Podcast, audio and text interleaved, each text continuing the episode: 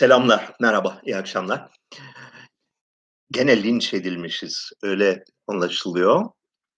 Bu Ekşi Sözlük denilen böcek yuvasında 10 saatte 28 sayfa yorum açılmış hakkımda. Lanetin bini bir para. Neymiş? Atatürk'e pislik demişim.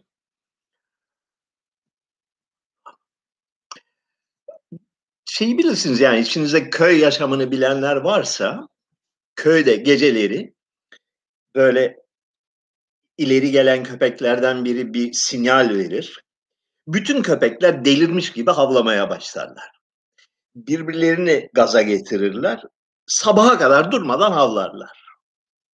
Yani nasıl bir salakça davranıştır çözmeye imkan yok. Bir de köpekler biliyorsunuz bir de arabaların arkasından koşmak gibi bir fantastik davranış özelliğine sahiptirler. O yüzden herhalde ben e, sevmem köpek. Yani kişilik olarak bozuk bir hayvan gibi geliyor bana. Kedilerin zarafeti, asaleti varken köpeklerin bu sürü davranışları bana çok e, itici geliyor nedense. E, Nazım Hikmet hakkında bir kısa bir soruya cevap vermişim bu şeyde programda. Ben unutmuşum aklımdan çıkmış. Bu epizod olarak bir arkadaş onu yayınlayınca milletin aklına düşmüş. Yani söylediğim şu basit bir şey aslında. Yani bu güruhun hoşuna da gitmeyecek bir şey değil söylediğim. Çünkü Nazım Hikmet'in ben çok büyük bir şair olduğunu düşünürüm. Yani 20. yüzyılın Türkiye'sinin en iyi şairidir. Tek iyi şairidir diyebilirim e, siyasi görüşleri itibariyle biraz saf bir insandır. idealist bir insan. Prensip olarak Cumhuriyet rejimin ile alıp veremediği olmayan biri. Yani prensip düzeyinde e, Cumhuriyeti e, ilerici, devrimci bir rejim olarak gören birisi. E, rejimin liderine de saygısı var aslına bakarsanız. Fakat çok basit bir nedenle yani rejimin başındaki kişiye kuyruk sallamayı reddettiği için, yani onun e, övgülerini dizmeyi reddettiği için, yani asgari bir onur sahibi bir insan olduğu için devlet başkanının emriyle 28 sene hapse mahkum edildi. Yani bu pislik değilse daha başka nedir pislik ben bilmiyorum. Ha, e, abartılı ve tek yanlı bir yaklaşım diyebilirsiniz bana. Yani Sevan biraz dilini tut diyebilirsiniz. Muhtemelen haklı da olursunuz. E, çünkü biliyorsunuz ben daha geçen günkü e, makale okuma programında e, yani Kemal rejiminin olumlu olumsuz taraflarını oldukça soğukkanlı bir şekilde tartıştım da yani tartışabilirim de bunları. Fakat bu olay özelinde baktığın zaman adamın yaptığı ahlaksız, namussuz bir pislik. Başka bir şey değil. Yani e, şimdikinin e, çocuğun kafasına böyle tık tık vurması yahut da kişisel vendetta nedeniyle, kişisel kan davası nedeniyle bir sürü insanı hapse attırmasıyla en ufak bir fark yok. Aynı zihniyetin, aynı ilkel zihniyetin, aynı intikamcı kibir zihniyetinin bir ifadesi. Bunu da söyledim. Yani bir insan, bir insanın yaşamı karmaşık bir şeydir. Yani bir insan yaşamında yüzlerce, binlerce, milyonlarca cephe yani olumlu davranışlar, yanlış davranışlar, çelişkili davranışlar. Bazı gün dünya şekeridir, bazı gün dahidir, bazı gün pisliktir. Bunları tek bir senteze toplayıp tek bir yargıda bulunmak çoğu zaman güç. Mesela yine bugün e, Theodorakis hakkında buna benzer bir tartışmanın içine girdim bir arkadaşımla. Yani adam 50 sene boyunca e, 60 sene boyunca devrimciliği yüceltmiş, idealizmi yüceltmiş, e, insanların kardeşliğini yüceltmiş bir insan. insanlara umut vermiş, insanlara coşku vermiş. Sonra yaşlı günlerinde bir şekilde gaza gelmiş veya zaten kafası içindeki yapının bir tezahürü olarak ortaya çıkmış. Makedonya konusunda en sağ, en gerizekalı Yunan milliyetçileriyle aynı çizgiye düşmüş. Şimdi aynı adam ikisini yapan. Yani bir kariyere bir yandan büyük bir övgü ve saygı duyarken övgü duymak lazım. Çünkü insanlara umut verdi, insanlara olumlu bir şeyler için, güzel şeyler için bir coşku verdi yıllar boyunca. Aynı zamanda da feci surette saçma bazı beyan ve demeçlerde, demeçlerde bulundu. Hangisi? Her ikisi birden. Allah belanı versin lan Theodorakis de diyebilirsin. Aynı zamanda e, saygıyla anılması gereken bir insan olduğunu da savunabilirsin. Bu ikisi bir, evet birbiriyle çelişkili ama insan hayatı böyle bir şey. Yani çelişkilerle dolu bir hadise. Değil mi? O konu öyle başka. Habire bugün e, bir şeylere giriyorum, kavgalara giriyorum. Abdurrahman Dilipak'ı savunma pozisyonuna düştüm. Bu da hayatımızın e, paradokslarından biridir. Abdurrahman, Abdurrahman Dilipak'ı ben yıllardan beri aslında dikkatle izlerim. Ee, Türkiye standartlarına göre bir hayli akıllı bir insan. Ve zaman zaman başka kimsenin söylemeye cesaret edemediği bazı doğruları söyleyen birisi. Ee, yani yabana atılacak bir insan değil. Ee, özellikle şeyi yazarken, Yanlış Cumhuriyeti yazarken ben Abdurrahman Dilipak'ın fikirlerinden yararlandım. Kitaplarından ve araştırmalarından da yararlandım. Yani Kemalizm konusunda, Cumhuriyet'in kuruluş yılları konusunda başka kimsenin, kimseciklerin konuşmaya cesaret edemediği oldukça temkinli, oldukça düzgün e, sözler söyleyen biriydi. Sonra gezi günlerinde kanımı donduran şeyler söyledi. Yani e, birdenbire o demokrat maskesinin düşüp altından kanlı bir e, talancının, bir İslam mücahidinin çıktığını gördüm ve hakikaten ürktüm. Özellikle e, Abdurrahman Dilipak'ın gezi günlerindeki söylemleri bana çok çok ürkütücü gelmişti. Bir nasıl bir fanatizmdir bu? E, ve nasıl bu kadar kolay dönebiliyor insanlar diye düşündüm. E, esrar konusunda, marihuana konusunda son yıllarda bir dava üstlendi. Bunun son derece olumlu, son derece doğru bir şey olduğunu düşünüyorum.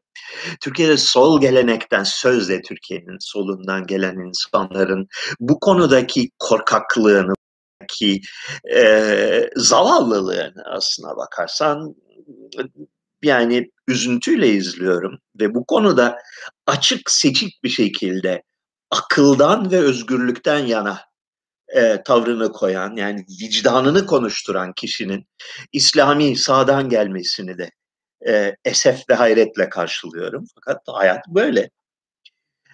E, aşı zorlamasına karşı tüm dünyada muazzam bir direniş yavaş yavaş ortaya çıkıyor. Bu direniş insanlığın umududur. Bu direniş dünyada hala düşünebilen, hala özgürce düşünebilen ve özgürlüğü savunan insanların bulunduğunu e, bize hatırlattığı için son derece değerlidir. E, Fransa özellikle bu konuda e, başı çekiyor. E, Almanya'da son derece güçlü bir hareket var. E, İngiltere'de daha zayıf. Amerika'da özellikle güney eyaletlerinde, Texas, Florida ve orta bölge eyaletlerinde e, muazzam bir direnişin e, ipuçları seziliyor. Bu dehşetli bir sansür altında, susturulmuş durumda. E, Türkiye'de hükümet desteğiyle, dikkat edin hükümet desteğiyle böyle bir tavrın dile getirilmiş olması bence Türkiye açısından e, son derece olumlu bir adımdır. Böyle bir gösteri yürüyüşü biliyorsunuz Türkiye koşullarında hükümetin onayı olmadan doğrudan da en yukarının yani Tayyip'in onayı olmadan mümkün değildi. Polis bunları yerle bir eder. Yani mahveder. Etmediler. izin verdiler. Ee, alibilerini de şey ortaya koydular. Yani aslında biz izin vermek istemiyorduk ama hadi neyse bu seferlik gibisinden bir tavra girdiler.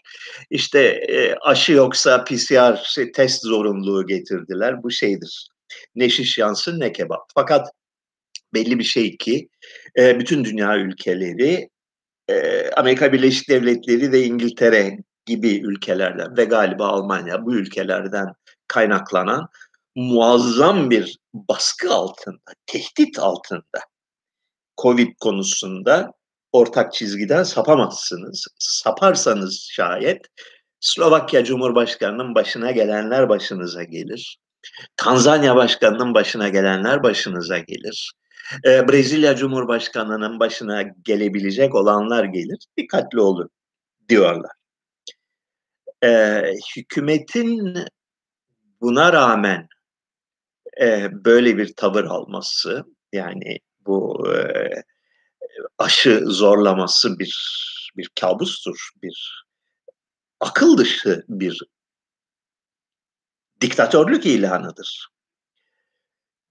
Bunu destekleyici bir tavır içine girer gibi görünmesi olumlu bir şeydir. Eğer ki Türkiye'de günün birinde yakın gelecekte bir seçim olacak olursa ve bu seçim anlamlı bir seçim yani sonucu baştan belli olmayan bir seçim olacaksa bugün bu tavrı alanlar yani Covid rezaleti karşısında akılcı bir duruş sergileyenler kazanır o seçimi. Bunu da unutmayın. Çünkü ee, ah çok büyük korku içindeyiz. Aman ayak takımı da zaten kurallara uymuyor. O yüzden hepimiz öleceğiz. Tavrı içine girenler diğer ülkelerde olduğu gibi Türkiye'de de aslında küçük şapşal bir azınlıktır.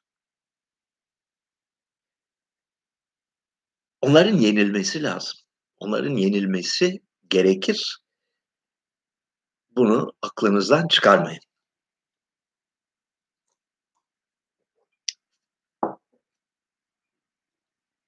Bir arkadaştır burada bir Toronto ile ilgili bir soru vardı demin. Hocam Toronto'dan selamlar. Eskiden ait olduğum liberal sol walk kamp eliyle faşizan karantinalara, ev hapislerine alınmış olma gerçeğiyle baş edemiyorum. Sağ özgürlükleri savunur hale gelmiş iken dün Toronto'da yakın akrabalarımla konuşuyordum. Aynı e, şeyleri aldım. E, ya aynı sözleri onlardan işittim. 35 senedir o ülkede liberal partiye veya sola oy vermiş olan kişiler bu seçimde e, People's Party of Canada'ya oy vermeye karar vermişler. Bu parti e, muhalif şeyleri tarafından karşıtları tarafından aşırı sağcı olmakla suçlanan bir parti. Aslında bir tek platformu var şu anda. Tek platformu Covid konusundaki yalanlara son. Yeter. Bu kadarı. E, demekten ibaret. E, ve oyunu şimdilik yüzde birden yüzde on beşlere çıkarmış görünüyor. Belki de 20 Eylül'de yani gelecek hafta seçim var. 20 Eylül'deki seçimde çok şaşırtıcı bir sürprizle yapabilirler diye bekliyoruz. Şeyleri biliyorsunuz Kanada'da Sağlık Bakanlığı ebeveyn yani ana baba izin vermese bile çocuklara aşı yapılacağını bildirdi, ilan etti. Amerika Birleşik Devletleri'nde Başkan Biden geçen gün yani 10 Eylül'de yaptığı konuşmayla ya daha doğrusu 10 Eylül'de bir kararname imzaladı.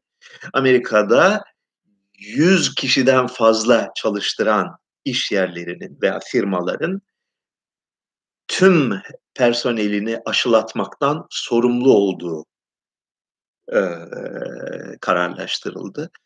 Açıkça hukuka aykırı, e, Amerikan Anayasası'na aykırı bir karar.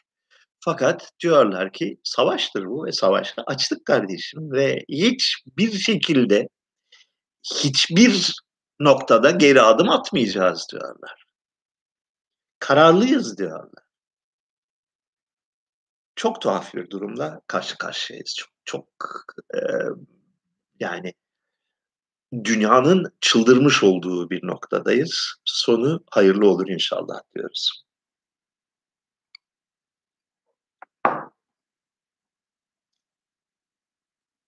Bir arkadaş Ahmet Şah Mesud'u sormuştu. Ahmet Şah Mesud'u duydunuz mu? Ee, tam 20 yıl önce 9 Eylül 2001 tarihinde bir suikast sonucu öldürüldü. Ee, şeyin e, Afganistan'da mücahidin hareketinin yani e, Rus işgaline, Sovyet işgaline karşı direnen İslami hareketin e, liderlerinden biriydi. E, Tacik'ti, Penşir Vadisi'nden Tacik kökenli bir e, e, önder idi. E, tam ölümünün 20. yıl dönümünde Taliban e, Penşir Vadisi'ni birkaç gün önce ele geçirdiler biliyorsunuz. Anıt mezarını Ahmet Şah Mesud'un tahrip etti. Çünkü Taliban'ın bir numaralı düşmanı olan kişi. Fakat o da İslami hareket içinden geliyor. E, onun ölümünden sonra, 2001'de ölümünden sonra Amerikalıların desteğiyle oluşturulan Afganistan ordusunun e, manevi kurucusu Ahmet Şah Mesut e, kabul ediliyor ve öldürüldüğü gün yani 9 Eylül günü Afganistan'da eski rejim zamanında geçen geçen haftalarda devrilen rejim zamanında bir e, her yıl kutlanan bir Mesud günüydü. Bir ulusal bayram mı diyeceğiz, yas mı diyeceğiz bilmiyorum. Böyle bir hadiseydi. Şimdi birazcık bu adamın geçmişini araştırdım. Şöyle sonuçlarla karşılaşıyoruz. 53 doğumlu yani Deniz Gezmiş'le e, Mahir Çayan'dan birkaç yaş daha genç, benden 3 yaş daha büyük o, o dönemde. E, tipik bir şey aileden. Babası albay imiş. Taşra'dan gelip memuriyet ve eğitim yoluyla hızla yükselen bir aile geçmişinden geliyor. Ee, Afganistan'ın Galatasaray Lisesi olan yani Fransızca tedrisat veren ve Afganistan'ın top top top en bir numaralı okulu sayılan İstiklal Lisesi'nde okumuş ve kendi döneminin en parlak öğrencisi olduğu söyleniyor. Yani hocaları filan efsane gibi anlatıyorlar. Çok çok olağanüstü bir öğrenciydi diye. E, daha o dönemde e, Mao'yu ve e, Che Guevara'yı okumuş. Tipik bütün dünyada benzerleri olan bir hayat hikayesinden söz ediyoruz.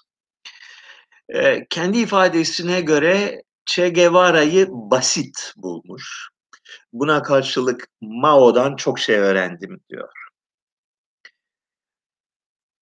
Ona da biraz sonra gelelim Mao meselesine. Neyse. Sonra e, mühendislik fakültesine girmiş. Mücahit hareketinin diğer lideri olan e, Gulbuddin Hikmetyar da aynı sene benzer bir background'dan gelerek e, bir devrimci genç olarak mühendislik fakültesine girmiş. Orada her ikisi de daha birinci seneden e, Cemaati İslami etkisine girmişler. Cemaati İslami e, Burhanettin Rabbani'nin bir kurduğu bir hareket. E, tipik tüm devrimci hareketlerin tarihinde böyle bir episod vardır. Rabbani ile birlikte Ahmet Şah Mesud Penşir Vadisi'ne gitmiş halkı isyana bir ayaklanma, halk ayaklanması başlatmak için. E, halk bunları arkadaş siz gidin buradan deyip kovalamış.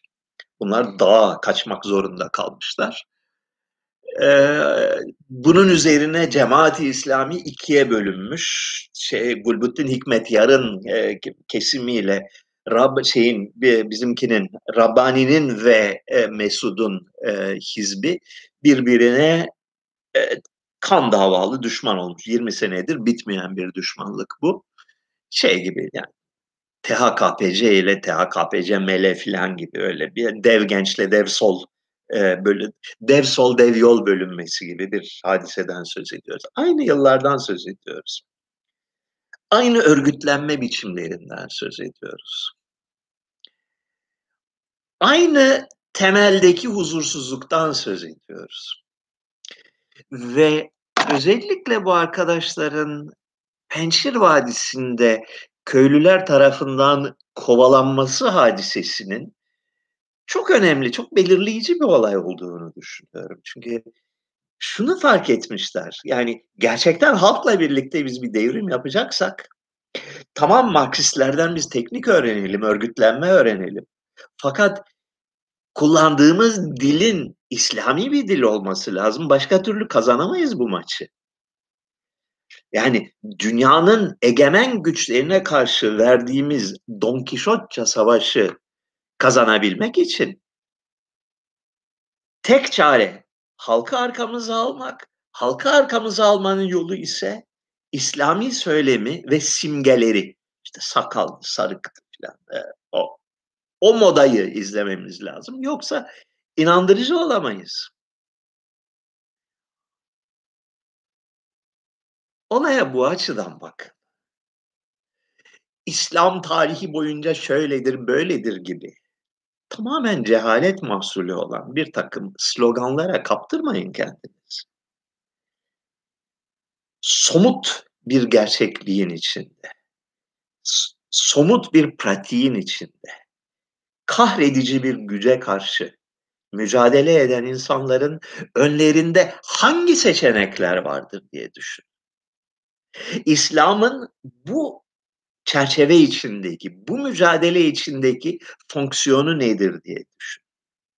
Türkiye'de çeşitli sosyal gruplar neden İslamcılığı cazip bir seçenek olarak görürler? Neden Batı ve televizyon ve basın tarafından dayatılan bir moda anlayışını, giyim kuşam anlayışını prensip olarak reddetme çizgisine girerler. Neden? Somut insanlar yani Ayşe, Merve, Ahmet kendi yaşamında bu seçeneği neden seçer? Böyle düşün. Hangi ihtiyaçlarına cevap veriyor bu hadise? İnsanla da, muhatap olduğunuzu unutmayın. Böcek değil bunlar. Bunlar e, istilacı sürüsü de değil. Bunlar insan. Ve insanlar üç aşağı beş yukarı sizin, sizin kadar akılları olan insanlar ve sizin kadar duyguları olan insanlar. Neden bu çizgiyi tercih ediyorlar da diğer çizgiyi tercih etmiyorlar diye sorduğunuz zaman İslam sizin için artık bir ideoloji olmaktan çıkar. Bir hurafeler yığını olmaktan da çıkar. Çünkü İslam bir hurafeler yığınıdır, başka bir şey değildir. Fakat bu hurafeler yığını insanlara neyi temsil ediyor? Ve aklı başında olduğunu varsaydığımız insanlar neden bu hurafeleri tercih ediyorlar? Bu soruyu sorun. Ve unutmayın, Batı dünyası şu anda ahlaken ve aklen ve siyaseten bitmiş bir dünya. Tükenmiş, çökmüş. Belki düzelir. Ama düzelmesi için çok büyük bir devrimden geçmesi lazım. Çok radikal bir şekilde silkinmesi ve kendini yeniden ayağa kaldırması lazım. Bir arkadaş şeyi sormuş. Ya sen hocam gençliğinde Mao'cuymuşsun. demiş. Düşündüm düşündüm. Yok yani hiçbir tarihte hiçbir şekilde Mao'cu falan olmadı. Ama diyor seni iyi tanıyan birinden duyduk diyor. Muhtemelen şöyle bir şey olmuştur. Yani bu emin değilim ama bunu tahmin ediyorum. Maoculuk veya Mao aleyhine bir argümanla karşı karşı karşılaşmıştım ve o argümanı reddetmeye veya cerh etmeye veya yanlış düşünüyorsunuz demek ihtiyacını hissetmişim bir tarihte.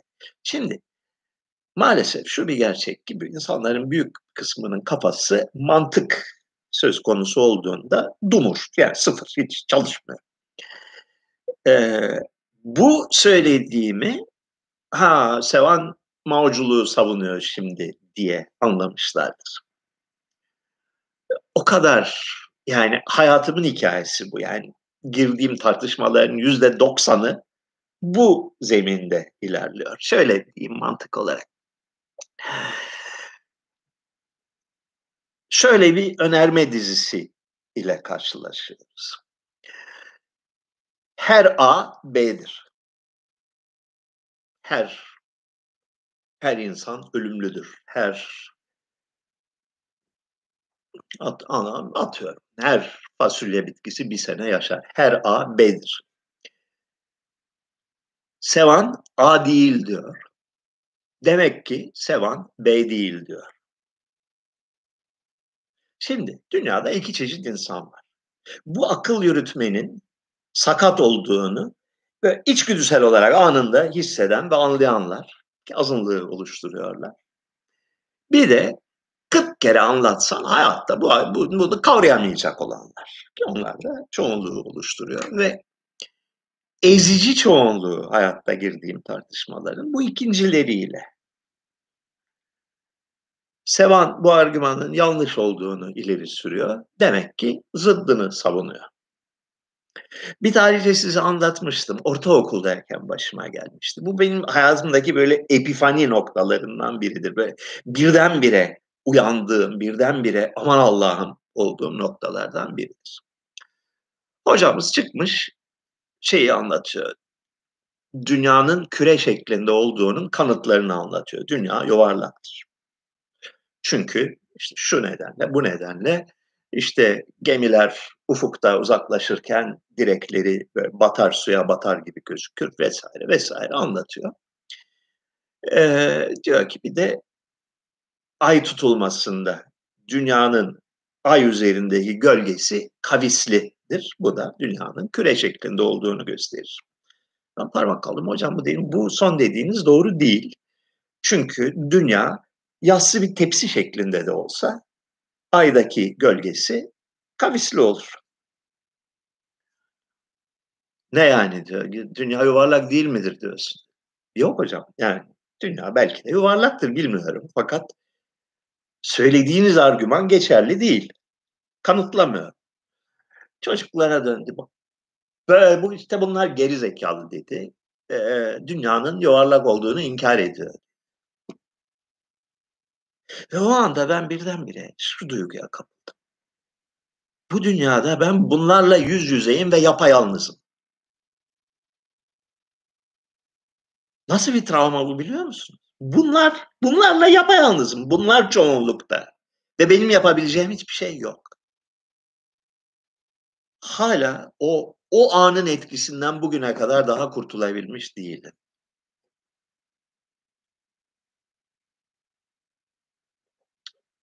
Ondan sonra cıma. Başka son günlerde olan olaylardan bir tanesi. Abimael Guzman öldü. Abimael Guzman Peru'da Sendero Luminoso yani ışıklı yol, ışıklı patika adı verilen e, devrimci örgütün lideriydi. 29 yıldan beri hapisteydi. Hapiste vefat etti.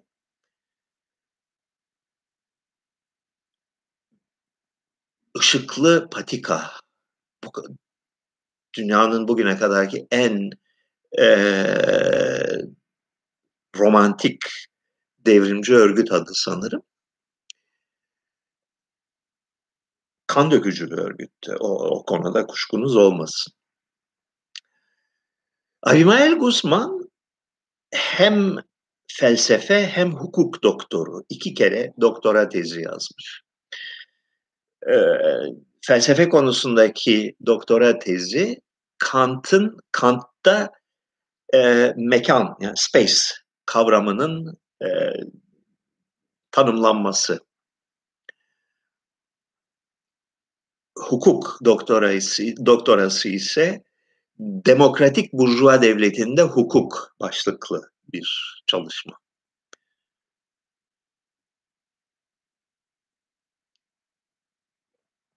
Bu insanlara benim saygım var. Bu insanlar e, açık bir şekilde son derece kültürlü, iyi eğitimli, e, kendi kuşaklarının, kendi çağlarının, kendi çevrelerinin en zeki, en parlak, en e, kayda değer insanları ve bir şekilde şeyi kavruyorlar. Yani dünyanın şu düzeni savunulabilir bir düzen değil. Bir böyle bir gün uyanıyorlar ve diyorlar ki bu olmaz mı? Bu yani bu bir çılgınlık. Bu buna direnmek lazım. Ve buna direnmenin tek yolunun şiddet olduğu kanaatine varıyorlar ki yeterince sağlıklı düşünürseniz, uzun vadeli düşünürseniz o noktaya varmamak çok zor. Ve şiddet yoluna giriyorlar. Şiddet yolunun, devrim yolunun kendine göre bir mantığı vardır. Başladığın noktadan çok farklı yerlere varırsın. Çünkü bu iş için bir örgüt kurman lazım. Ee, polis ve askere karşı savaşıyorsun. Devlete karşı, kanuna karşı savaşıyorsun. Çok dikkatli olman gerekir ve kendi grubunu canlı tutabilmek için, kendi grubunu güvende tutabilmek için gerekirse çok acımasız olman gerekir. Gerekirse yüzlerce kişiyi öldürmen gerekir. Başka türlü çünkü savun, savunamazsın. Bulunduğun pozisyonu koruyam, koruyamazsın. İktidara gelecek olursan şayet Lenin abimizi düşünüyoruz. Mao abimizi düşünüyoruz. Bugünkü e, Taliban'ın içinde bulunduğu durumu düşünüyoruz.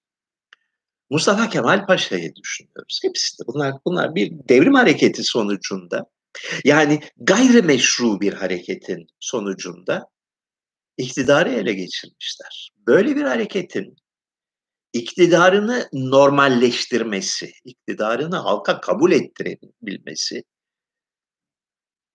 çok büyük oranda şiddet kullanmayı gerektirir. Şiddetsiz olmaz. Çünkü insanlar sana derler ki kardeşim ben seni tanımıyorum. Sen kimsin ki? Sen daha geçen gün e, baldırı çıplak ortalıkta polis tarafından aranan bir heriftin. Şimdi ne oluyoruz? Hop der. Bunu kırmak için bunu yani dışarıdan gelip sistem dışından gelip sistemin meşruiyet araçlarından yararlanmaksızın başa geçtikten sonra kendi meşruiyetini kurabilmek çok zor bir şeydir. Çok kanlı bir şeydir. Her zaman kanlı olmuş bir süreçtir. Ee, ve çoğu zaman başlangıçtaki devrim ideallerinin, başlangıçtaki e, çözüme ilişkin veya toplumun daha insancıl bir toplum olmasına ilişkin büyük hayallerinin yüzde doksan oranında terk edilmesini gerektirir. Demin Mao'dan söz ediyorduk, konu saptı. Tekrar oraya dönelim. Mao hakkında, Mao'yu da ben epeyce vaktiyle okumuştum. 79 yılında Birikim dergisi çevresinde Lenin ve Mao'yu kıyaslayan ikisinin devrim stratejileri konusunda fikir yürüten bir dizi konferans vermişliğim vardır. Hem bir kere değil birkaç kere vermiştim konferansı. Mao her şeyden önce şunu düşün. Çin gibi devasa bir ülkede sen bir hiçsin. Bir hiç olarak başlıyorsun. Bir okul öğretmeni olarak başlıyorsun.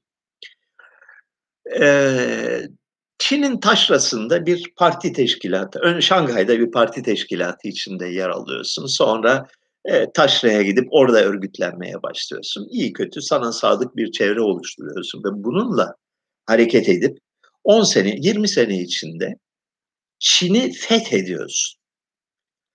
Bunu yapan bir insana her şeyden önce saygı duymak lazım. Yani diğer birçok özelliğiyle puştun teki de olsa yani saygı duymak lazım. Çünkü büyük bir iş başarmış. Çok yani senin benim başaramayacağımız bir işi başarmış. Ee, düşünce tarzı özellikle uz, uzun yürüyüş sırasındaki e, yazıları parlak yazılardır. Yani devletin askeri, hukuki ve politik gücüne karşı direniş nasıl örgütlenir? Köylülerin sana sadık olması nasıl sağlanır? Nasıl bir strateji kurulur? Ee, çeşitli darbelere, çeşitli polis baskınlarına karşı neler yapılır konusundaki fikirleri e, yabana atılacak fikirler değildir. Ve hasta bir toplumda, çürümüş bir toplumda, yüzyıldan beri hakikaten e, yozlaşmış, fakir, açlığın kol gezdiği, cehaletin kol gezdiği, askeri, bölgesel askeri şeflerin, derebeylerinin, yüzlercesinin cirit attığı bir ülkede, Japonların istila edip şey gibi böyle koyun boğazlar gibi insanları boğazladığı bir ülkede bir kurtuluş hareketi örgütlemiş ve ülkede bunu başarıya ulaştırmayı ve ülke çapında egemen olmayı başarmış. Ee, savaş beylerini, derebeylerini tasfiye etmeyi başarmış. Bunlar az şeyler değil. Bunlar ciddi şeyler. Büyük başarılar. Daha insancıl bir rejim kurmaya çalışmış ve o noktadan itibaren iktidarı ele geçirip iktidarı konsolide etme sürecinde dehşetli işler yapmış ve aptalca da işler yapmış. Ee, kültür devrimi bir felakettir. Bir, bir ülkenin başına gelebilecek sayılı büyük felaketlerden biridir. Dolayısıyla ve e, büyük ileri atılım 1958 miydi, 59 muydu? Bir cehalet ürünü olan bir absürt bir girişimdir ve milyonlarca insanın açlıktan ölümü sonucunu doğurmuştur. Şimdi şu, şu iki soruyu sorun kendinize. Bir, dünyanın boka sardığı şu dönemde ben bu durumu değiştirmek için nasıl bir hareket başlatabilirim? Mao ne yapmış? Ahmet Şah Mesut ne yapmış? Abimael Guzman, Sendero Luminoso'nun lideri ne yapmış? Lenin ne yapmış?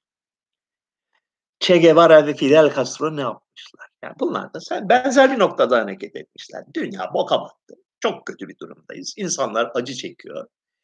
İnsanlar aç.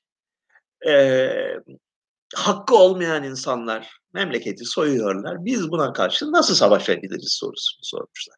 Sen bunu yapabilir misin? Yapmaya gücün ve cesaretin var mı? Başarabilir misin? Bir. İkincisi diyelim ki bunu yaptın, ettin, başa geçtin. İktidar al senin dediler. Hükümet sarayına girip e, eski padişahın tahtının önünde foto selfie çektirdin. İyi, şimdi ülke yöneteceksin. O zaman ne yaparsın? Nasıl başa çıkarsın?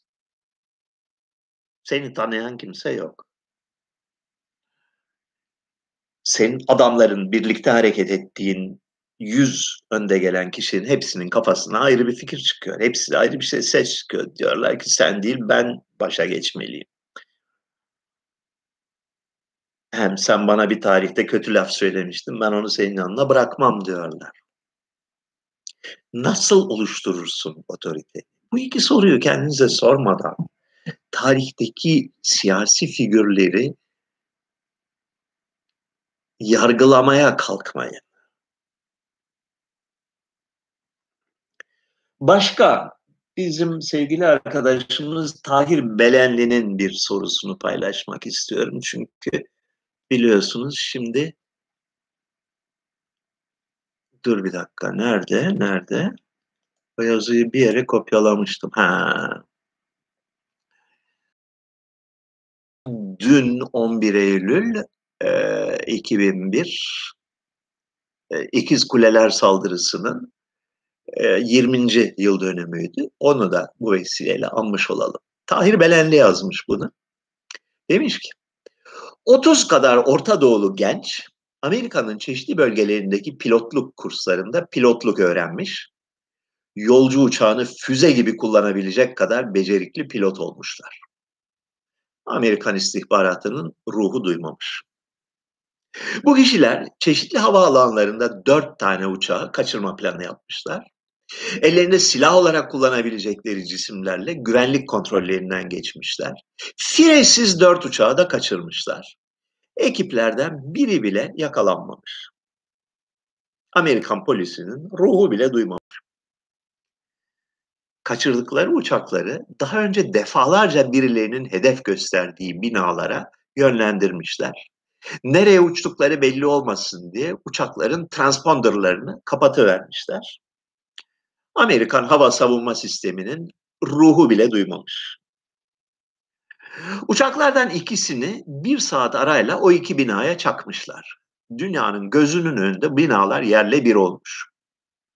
Sonra bu olayı öne sürerek Amerika herkese savaş açmış. Birkaç trilyon dolarlık bir sektör oluşmuş. Bu masala inanan her masala inanır bence demiş ve çok da doğru bir noktaya parmak basmış. Bu vesileyle iki tane noktaya da ben parmak basmak istiyorum. Bir, yine önceki gün bu vesileyle duyduk ki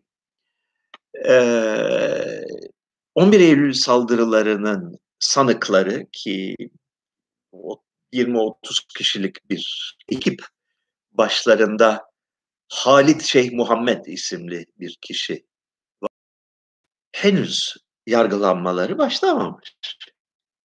Yakında yargılanma başlanacak ve yargılamanın başı olan hakim de demeç vermiş demiş ki gerçi ben 3 yıl sonra emekliye ayrılma hakkım geliyor fakat merak etmeyin bu davayı bitirmeden ben emekliye ayrılmam demiş. Yani daha en az 3 yıl bu dava sürer demişler.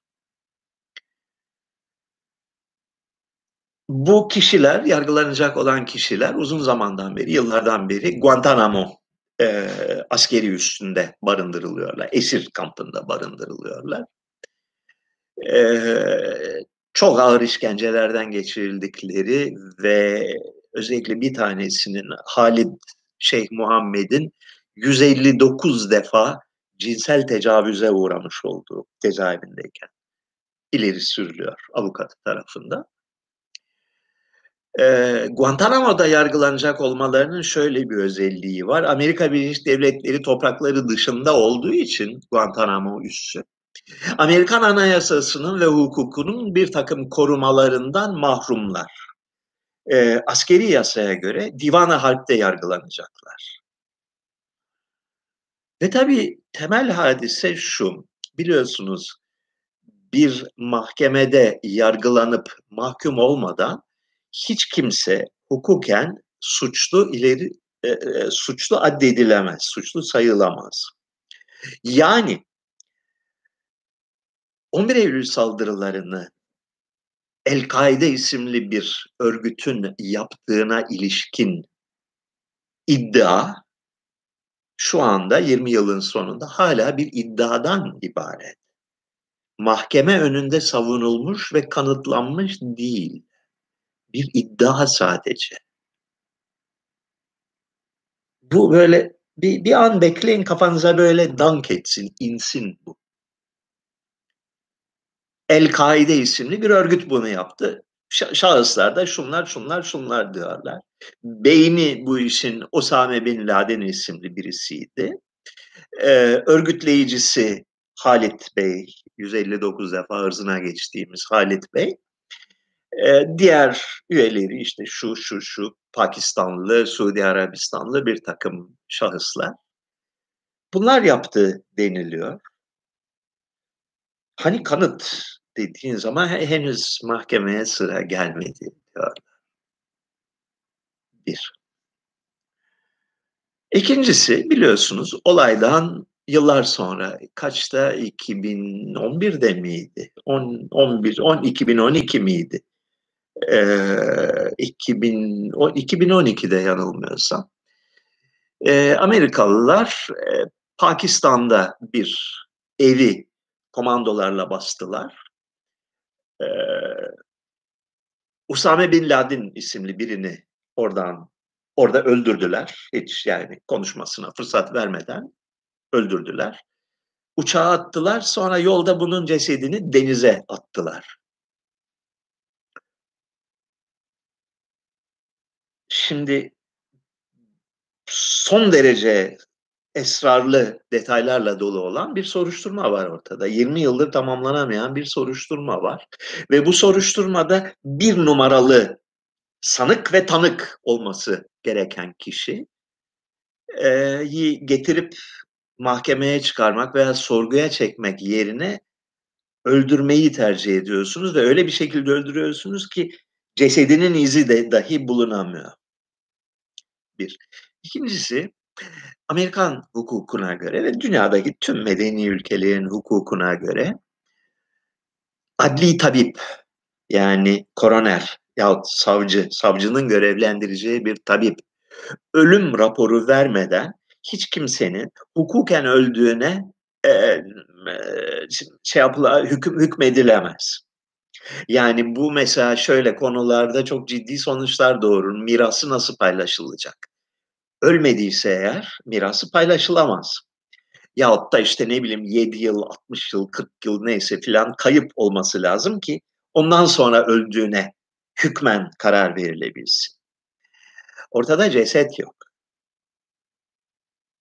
Ve dolayısıyla Usame Bin Laden'in öldürülmüş olduğuna hukuki bir kanıt yok. Hükmen öldürülmüş değil bu kişi. Çünkü koroner yani e, adli tabip tespit edip evet şu şu şu görüntüye sahip olan bu kişi ölmüş görünüyor. Raporunu yazmadı.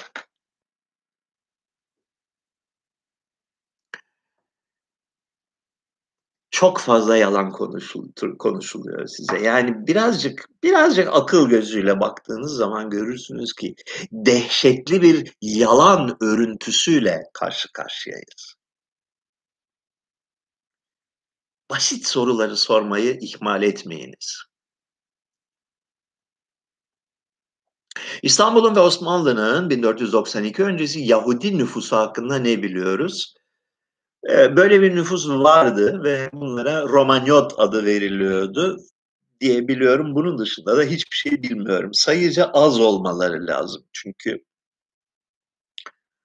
e, 1453'ten bir hayli sonra 1490 gibi tarihlerden önce çok fazla Yahudi e, şeyi görmüyoruz, izi görmüyoruz Osmanlı tarihinde. Varlar yani örnekleri var.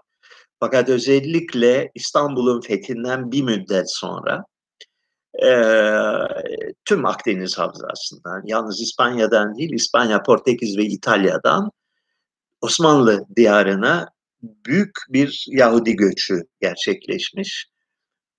Göçen Yahudilerin şaşılacak bir bölümü, kayda değer bir bölümü Müslüman olarak Türkleşmişler.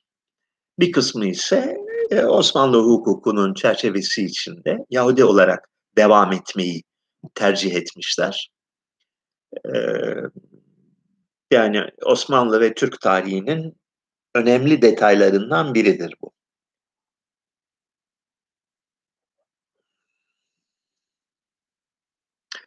Travmalarınızla nasıl başa çıkıyorsunuz demiş Mert'i. Bilmem. Kim bu soruyu kim cevaplandırabilir ki? Travma demek Yunanca biliyorsunuz yara demek. Yaralarınızla baş et nasıl çıkıyorsunuzun cevabı tentürdiyot ekiyorsun. Ee, pamuk üstüne ama şey yapıyorsun, pansuman yapıyorsun. Bir süre sonra geçiyor. Diğer travmaların da yöntemi budur.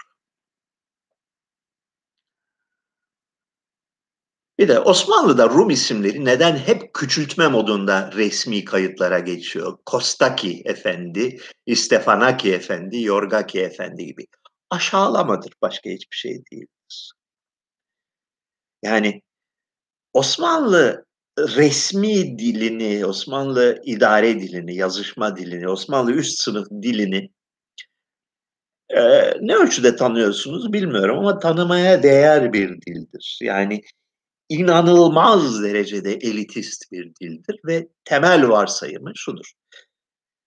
İslam ve devlet, devlet her şeyden önce büyük bir yüceliğe ve üstünlüğe sahiptir. Her açıdan daha iyiyiz, üstünüz, daha akıllıyız, daha kültürlüyüz, daha medeniyiz, daha adiliz.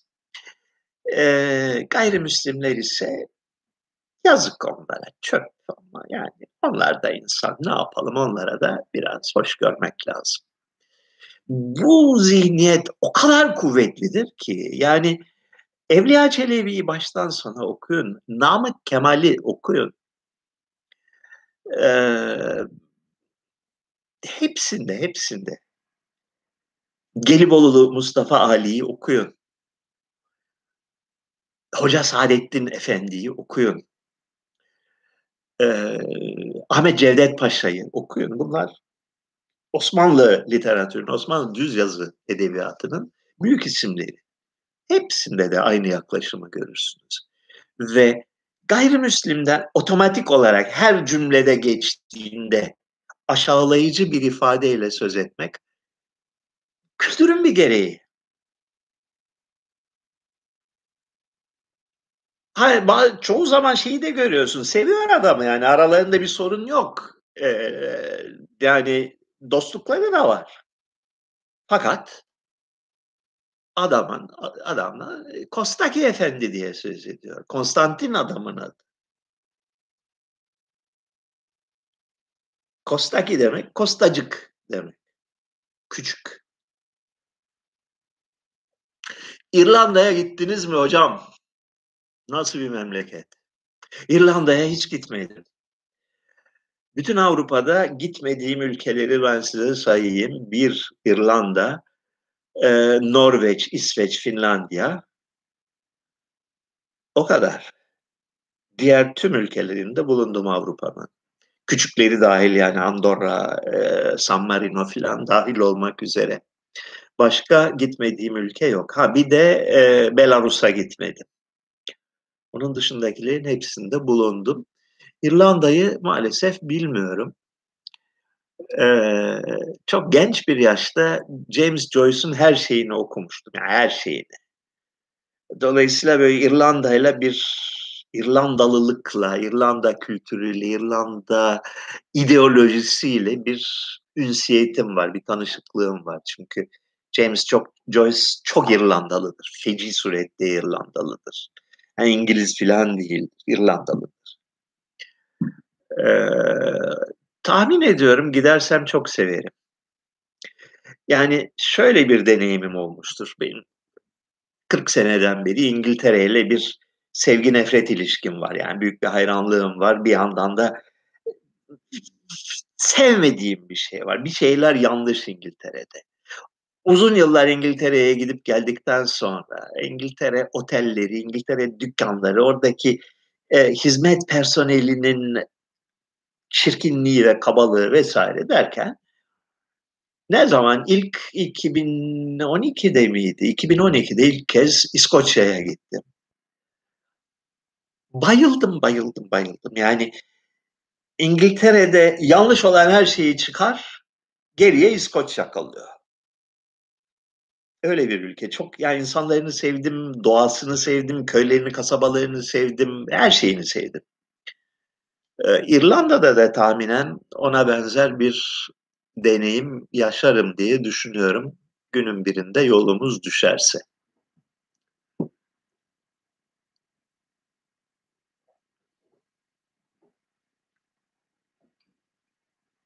Şiddetle arzu edilen Türk-Yunan gerginliği için ideal bir neden olabilirsiniz. Hakkınızda durduk yere bir sosyal medya linçi başlatıldı bugün.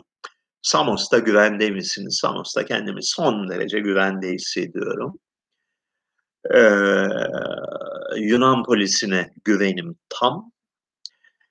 Ee, Türk istihbaratının ve dış karıştırıcı örgütlerinin akli yeteneklerine de güvenim tam. Dolayısıyla başıma bir şey geleceğini zannetmiyorum. İkincisi, e, Türkiye 2-3 yıllık bir süreçte durmadan Yunanistan'la bir savaşı, e, savaş ortamını körüklerken çok şaşırtıcı bir şekilde son 6 ayda bu politikadan vazgeçmiş görünüyor. E, 6 ay demeyelim, demeyelim de yaz başından beri. Yani bayağı böyle süt dökmüş kedi gibi bir atmosfer söz konusu. Bunun da iç yüzünü bilmeyi çok isterdim doğrusu fakat bilmiyorum.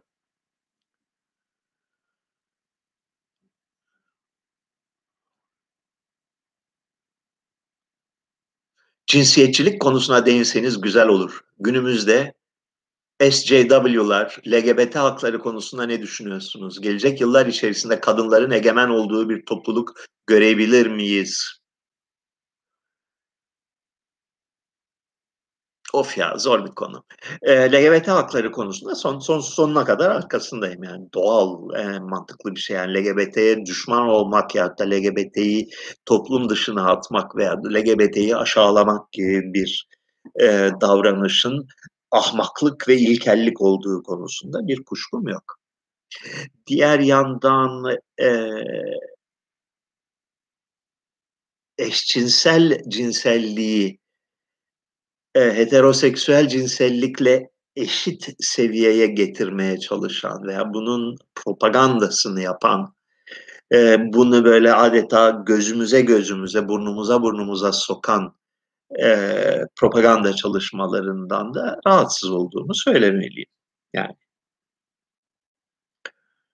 e, ikisi ayrı şeyler bunlar. Yani hakların korunması, insanların cinsel eğilimlerinden ötürü aşağılanmak, dışlanmak veya şiddete veya tehdide maruz kalmak gibi şeylerden şeylere uğraması bir insanlık suçudur, bir utanmazlıktır, bir terbiyesizliktir. Fakat yani insanların bir takım temel e, güdüleri ve tercihleri var. Bunun bir e, organize bir propaganda vasıtasıyla düzeltilmeye ve değiştirilmeye çalışma, çalışılmasını da doğrusunu isterseniz çok doğru bulmuyorum. Ee, kadın egemenliği, kadınların egemen olduğu bir düzen nasıl bir şeydir bilmiyorum. Kötü mü olur onu da bilmiyorum. Ee, yalnız yine tekrar o konuda erkeğin ve kadının doğal içgüdülerindeki, biyolojik yapılarındaki farkı yok sayan, bunu e, yine polis gücüyle böyle bir düşünce tarzını dayatan düşünce akımlarına da karşı olduğumu söylemeliyim.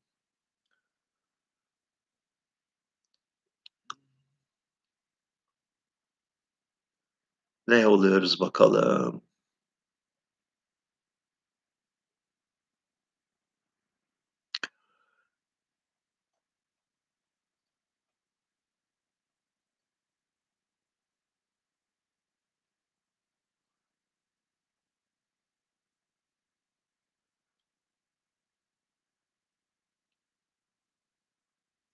Cihan Harbi'nden sonra Almanya ve Avusturya'ya da benzer şartlar dayatılmasına rağmen neden sadece Türkiye'de milli mücadele başladı?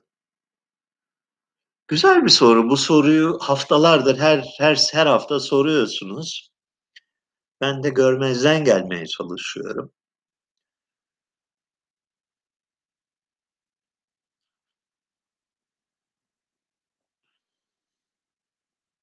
Bilmiyorum sorunun cevabını.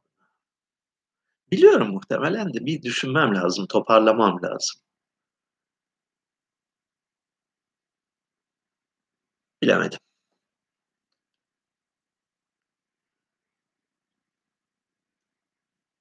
Babam küçük... Hı, neyse boş ver. Hocam Osmanlı'dan önce İstanbul'da Arnavut ve Ermeni var mıydı sorusunun cevabı Ermeni vardı evet.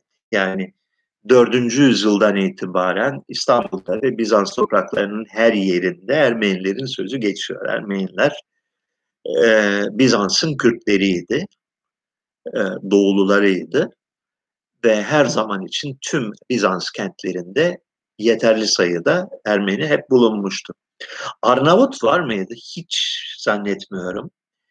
Daha doğrusu benim bildiğim kadarıyla 15. yüzyıldan önce Arnavutların adı bile geçmez. Yani e, hiçbir bilgimiz yok.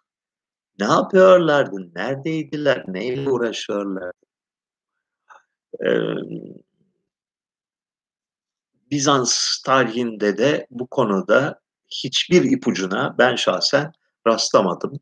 Belki bilmediklerim vardır fakat yani ön planda olan bir gerçek değil.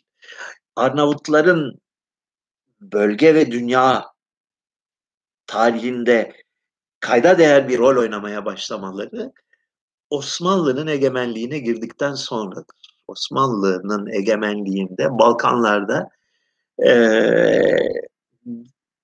bu egemenlikten hoşlanıp bunu benimseyen iki tane kavim var. Bir Boşnaklar, bir Arnavutlar. E, dolayısıyla imparatorluğun kompozisyonu içinde nüfuslarıyla orantısız derecede güçlü bir rol oynamışlar. Hocam Cenubi Kars Kafkas Cumhuriyeti hakkında görüşleriniz diye sormuş.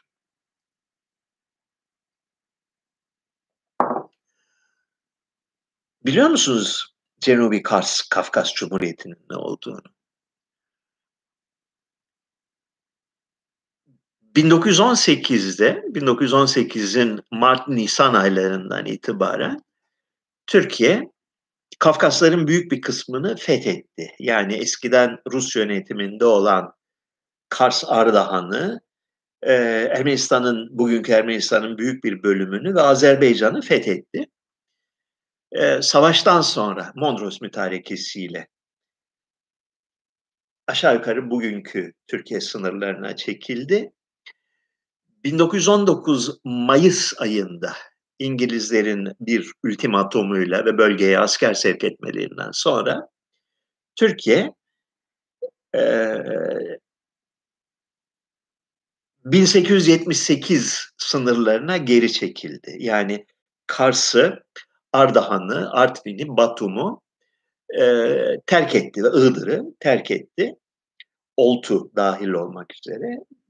Bugünkü e, Yusufeli, Erzurum, Ağrı hattına geri çekildi. Geri çekilince de çekildiği bölgede bir e, Cenubi Kafkasya e, hükümeti, İslam hükümeti kuruldu. Şura hükümeti kuruldu. E, Türkiye'den büyük ölçüde emir alan bir e, oluşumdu. Ve e, Türk ordusunun terk ettiği bu bölgelere Ermenilerin veya Gürcülerin e, el koymasını uzunca bir süre önlediler. 1920'nin e, Nisan-Mayıs aylarına kadar yani bir yıl kadar. E, 1920 Mayıs'ında, Nisan'ında e, Ermeni devleti bu bölgeleri geri almak için, bu bölgeleri kendi egemenliğine almak için bir e, çatışmaya girişti yerel şura hükümeti bu durumla başa çıkamaz hale gelince e, Kazım Karabekir e, komutasındaki Ankara hükümetinin ordusu müdahale etti ve bu bölgeleri geri aldı. Rusların da onayıyla.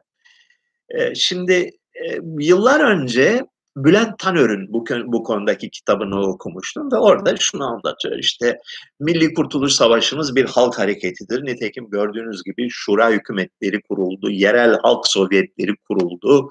Ee, halkın desteğiyle ve halkın devrimci gücüyle bu işler yapıldı gibisinden bir takım şeyler anlatıyor. Okudum, okudum, okudum. Allah Allah, Allah Allah ne zaman söyleyecek hakikati diye böyle ağzım açık kaldı doğrusunu istersen sonuna kadar ve dehşetle şunun farkına vardım. Ya basit bir gerçek var. Bu tarihte Kars teorik olarak en azından yani nominal olarak Sovyetler Birliği'nin bir parçası. Sovyetler Birliği yok, Rus İmparatorluğu'nun bir parçası. Rus İmparatorluğu'ndan ayrılan Transkafkasya topraklarının bir parçası. Türkiye değil orası. Yani Şura hükümeti bütün Rus ülkelerinde, bütün Sovyet ülkelerinde kurulduğu gibi bir Şura hükümeti. Rüzgarlar o taraftan esiyor, bu taraftan esmiyor. Tesadüfen o kitabı okuduktan bir, bir iki hafta sonra bir kütüphanede Bülent Hoca ile karşılaştım. Bülent Tanör'le merhaba merhaba siz kimdiniz ya Bülent Hoca. Oo bu Bülent Hocam nasılsınız iyi misiniz? Bülent. Kitabınızı okudum dedim. Ee, ya böyle bir yönü var işin ne dersiniz dedim. dedi. Ne yapıyorsunuz? E, vallahi dedim böyle Yanlış Cumhuriyet isimli bir kitap yazdım. Onu şimdi son şeklini vermekle meşgulüm. Okumak ister misiniz? Dedi. Olur dedi ver dedi. Ben çıkardım bir kopyasını verdim. Şey daktilo. Yani şey printout olarak. Bir daha da ya duydum duydum. Çok yüzeysel birkaç tane eleştiri söyledi. Tartışmaya girmek istemedi. Biliyorsunuz Bülent Tanör e, Kemalizmin büyük yüce rahiplerinden biriydi. Sol Kemalizmin kurucu ideologlarından biridir. Bu kadar çok okunacak kitap varken nasıl seçim yapıyorsunuz? İki türlü seçim yapıyorum. Bir, hayatta benim en büyük zevkim yani nasıl insan, bazı insanlar kıyafet almaya giderler. Hayatta en büyük zevkim kitapçı dükkanına gidip rastgele dolaşmak. Kitapçı dükkanları neler çıkmış, ne var, ilginç bir şeyler neler var diye. Ee, yani yıllarca Londra'ya Paris'e yolum düştükçe ilk yaptığım şeylerden biri işte oradaki mesela Londra'da Foyles kütüphane, kitaplı kitap evine gidip bir günümü orada geçirmek. Bir sürü yani kaçınılmaz bir şekilde çıkarken böyle bir çuval dolusu kitapla çıkıyorum. Çok acıklı bir şey ki yani Samos'ta kitap evi yok. Hiç yok. Yani bir tane var. O sadece Yunanca kitaplar satıyor. Atina'da var iyi kötü biraz yabancı kitap satan. Oralara yolum düş ayda yılda bir altı ayda bir yolum düştüğünde birazcık bu ihtiyacımı giderme imkanını buluyorum. Şimdi Amazon'a dadandım tabii. Amazon'dan her, her hafta birkaç tane kitap sipariş ediyorum aynı duygu değil. Yani gözümle görmem lazım kitapları ki e, tadayım. Bu bir. İkincisi bu bir yöntem. Diğer yöntem herhangi bir konuya kafayı taktığımda ve araştırma yapmaya başladığım zaman kendiliğinden böyle delikler kendini hissettiriyor. Boşluklar neyi bilmiyorum. E, mutlaka öğrenmem gereken şeyler nelerdir? Bütün her zaman yani her türlü araştırmada en önemli yapılması gereken şeylerden biri mutlaka mutlaka mutlaka e, şeyi bibliografyayı yani kaynakçayı taramak ve oradan e, ilginç görünen ve mutlaka bunu okumam lazım bu konuyu daha iyi kavramak için diyeceğin şeyleri getirmek. Şimdi artık akademik e, nitelikli kitap ve makalelerin hemen hemen hepsi internette bulunabiliyor. Yani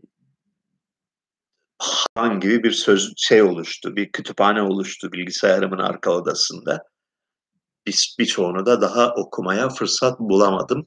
Böyle. Sadece iki kule değil, bütün World Trade Center binaları nükleer patlayıcılarla toz haline dönüştürüldü.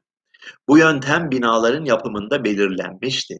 Çelik iskelet üzerine çok miktarda asbestos betonu çözülüyordu.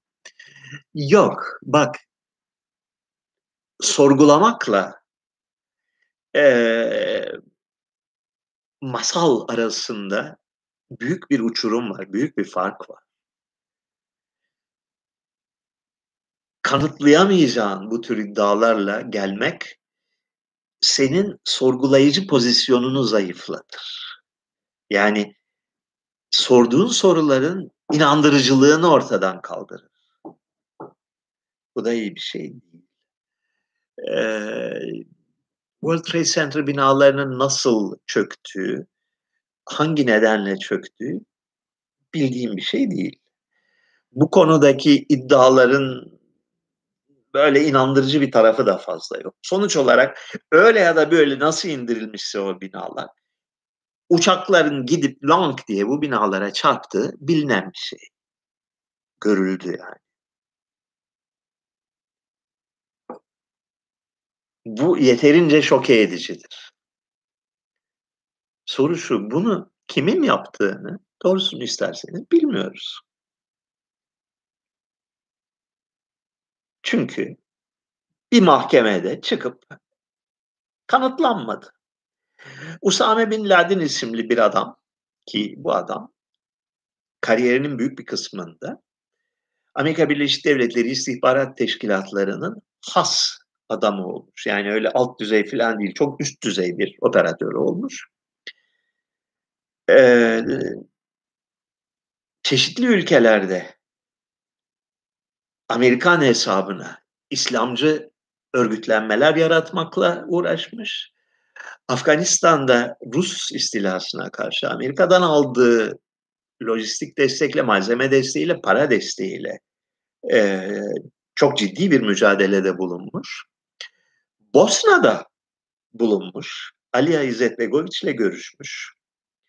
Bosna İç Savaşı'nda rol oynamış. Oraya yurt dışından yani dünyanın çeşitli yerlerinden İslami e, militanların getirilmesinde aracılık etmiş bir kişi.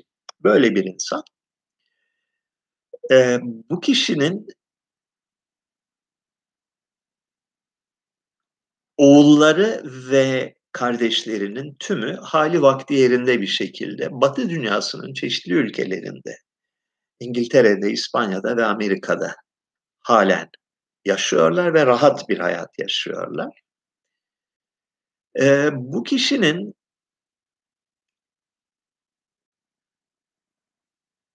...2001 saldırılarından aylar önce, iki yıl önce yanılmıyorsam, ölümcül böbrek hastalığından mustarip olduğu ve bunu bu, bu nedenle Birleşik Arap Emirlikleri'nde hastaneye yattığı bir süre e, Fransız istihbaratı tarafından, Fransız istihbaratına çok yakın kaynaklar tarafından basına bildirilmiş. Ve bu insan bir hangi tarihte çekildiği belli olmayan, nerede çekildiği belli olmayan bir videoya çıkıp ben patlattım diyor bu şeyleri. Ee, dünya ticaret merkezi binaları.